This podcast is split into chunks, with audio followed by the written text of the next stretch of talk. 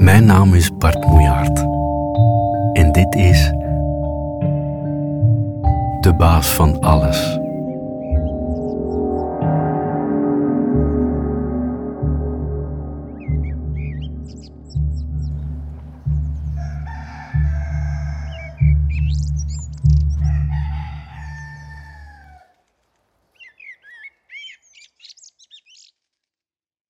De mot gaf het op.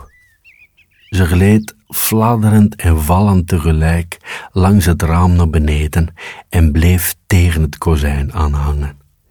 Ze hing er dood te zijn als een herfstblad, maar als je goed keek, zag je haar voetsprieten trillen.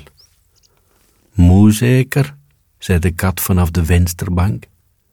Het viel haar moeilijk om haar stem niet te buigen, want ze begreep niet hoe je zo dom kon zijn. Een hele nacht proberen door glas heen te vliegen. Je kwam er toch vanzelf achter dat dat niet kon. Je kon maar beter wachten tot het raam werd opengedaan. Moe, ja, zei de mot, maar ik ben het gewend. Dat scheelt, zei de kat. En je bent een doorzetter. De mot leefde op. Dat klopt, zei ze. Op een keer kom ik wel waar ik moet zijn. Absoluut, zei de kat. En ze liet het klinken alsof ze de mot geloofde. Ondertussen keek ze door het raam het huis in. Ze zou niet weten wat daar binnen de baas van de mot kon zijn. In het huis lag een kind in een bed.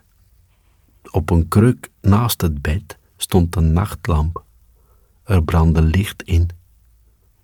Nu het dag aan het worden was, kon het even goed uit. Wat nu? zei de kat. Wachten, zei de mot, wachten. Ze zei niet waarop, maar de kat kon het raden. Ze bleef het moeilijk te begrijpen vinden. Zijn baas, zijn baas van alles. Goed dan, zei de kat. Veel geluk. In huis werd het kind wakker. Het ging overeind zitten in bed, deed het nachtlampje uit en krabde zichzelf. Dank je, zei de mot. Ik ga maar weer eens.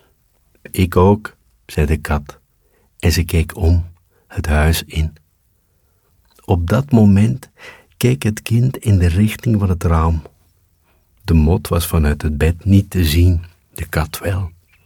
Er was geen twijfel mogelijk over wie het kind bedoelde toen het ineens begon te schreeuwen dat de dikke terug was. Ze gilde het hard en nog eens en nog eens. De kat stond op, stak haar staart recht omhoog en was blij dat de mot er getuige van was hoe het raam voor haar werd opengedaan. Hier, zei het kind, kom hier. De kat gehoorzaamde niet meteen. Wat dacht het kind wel dat het was?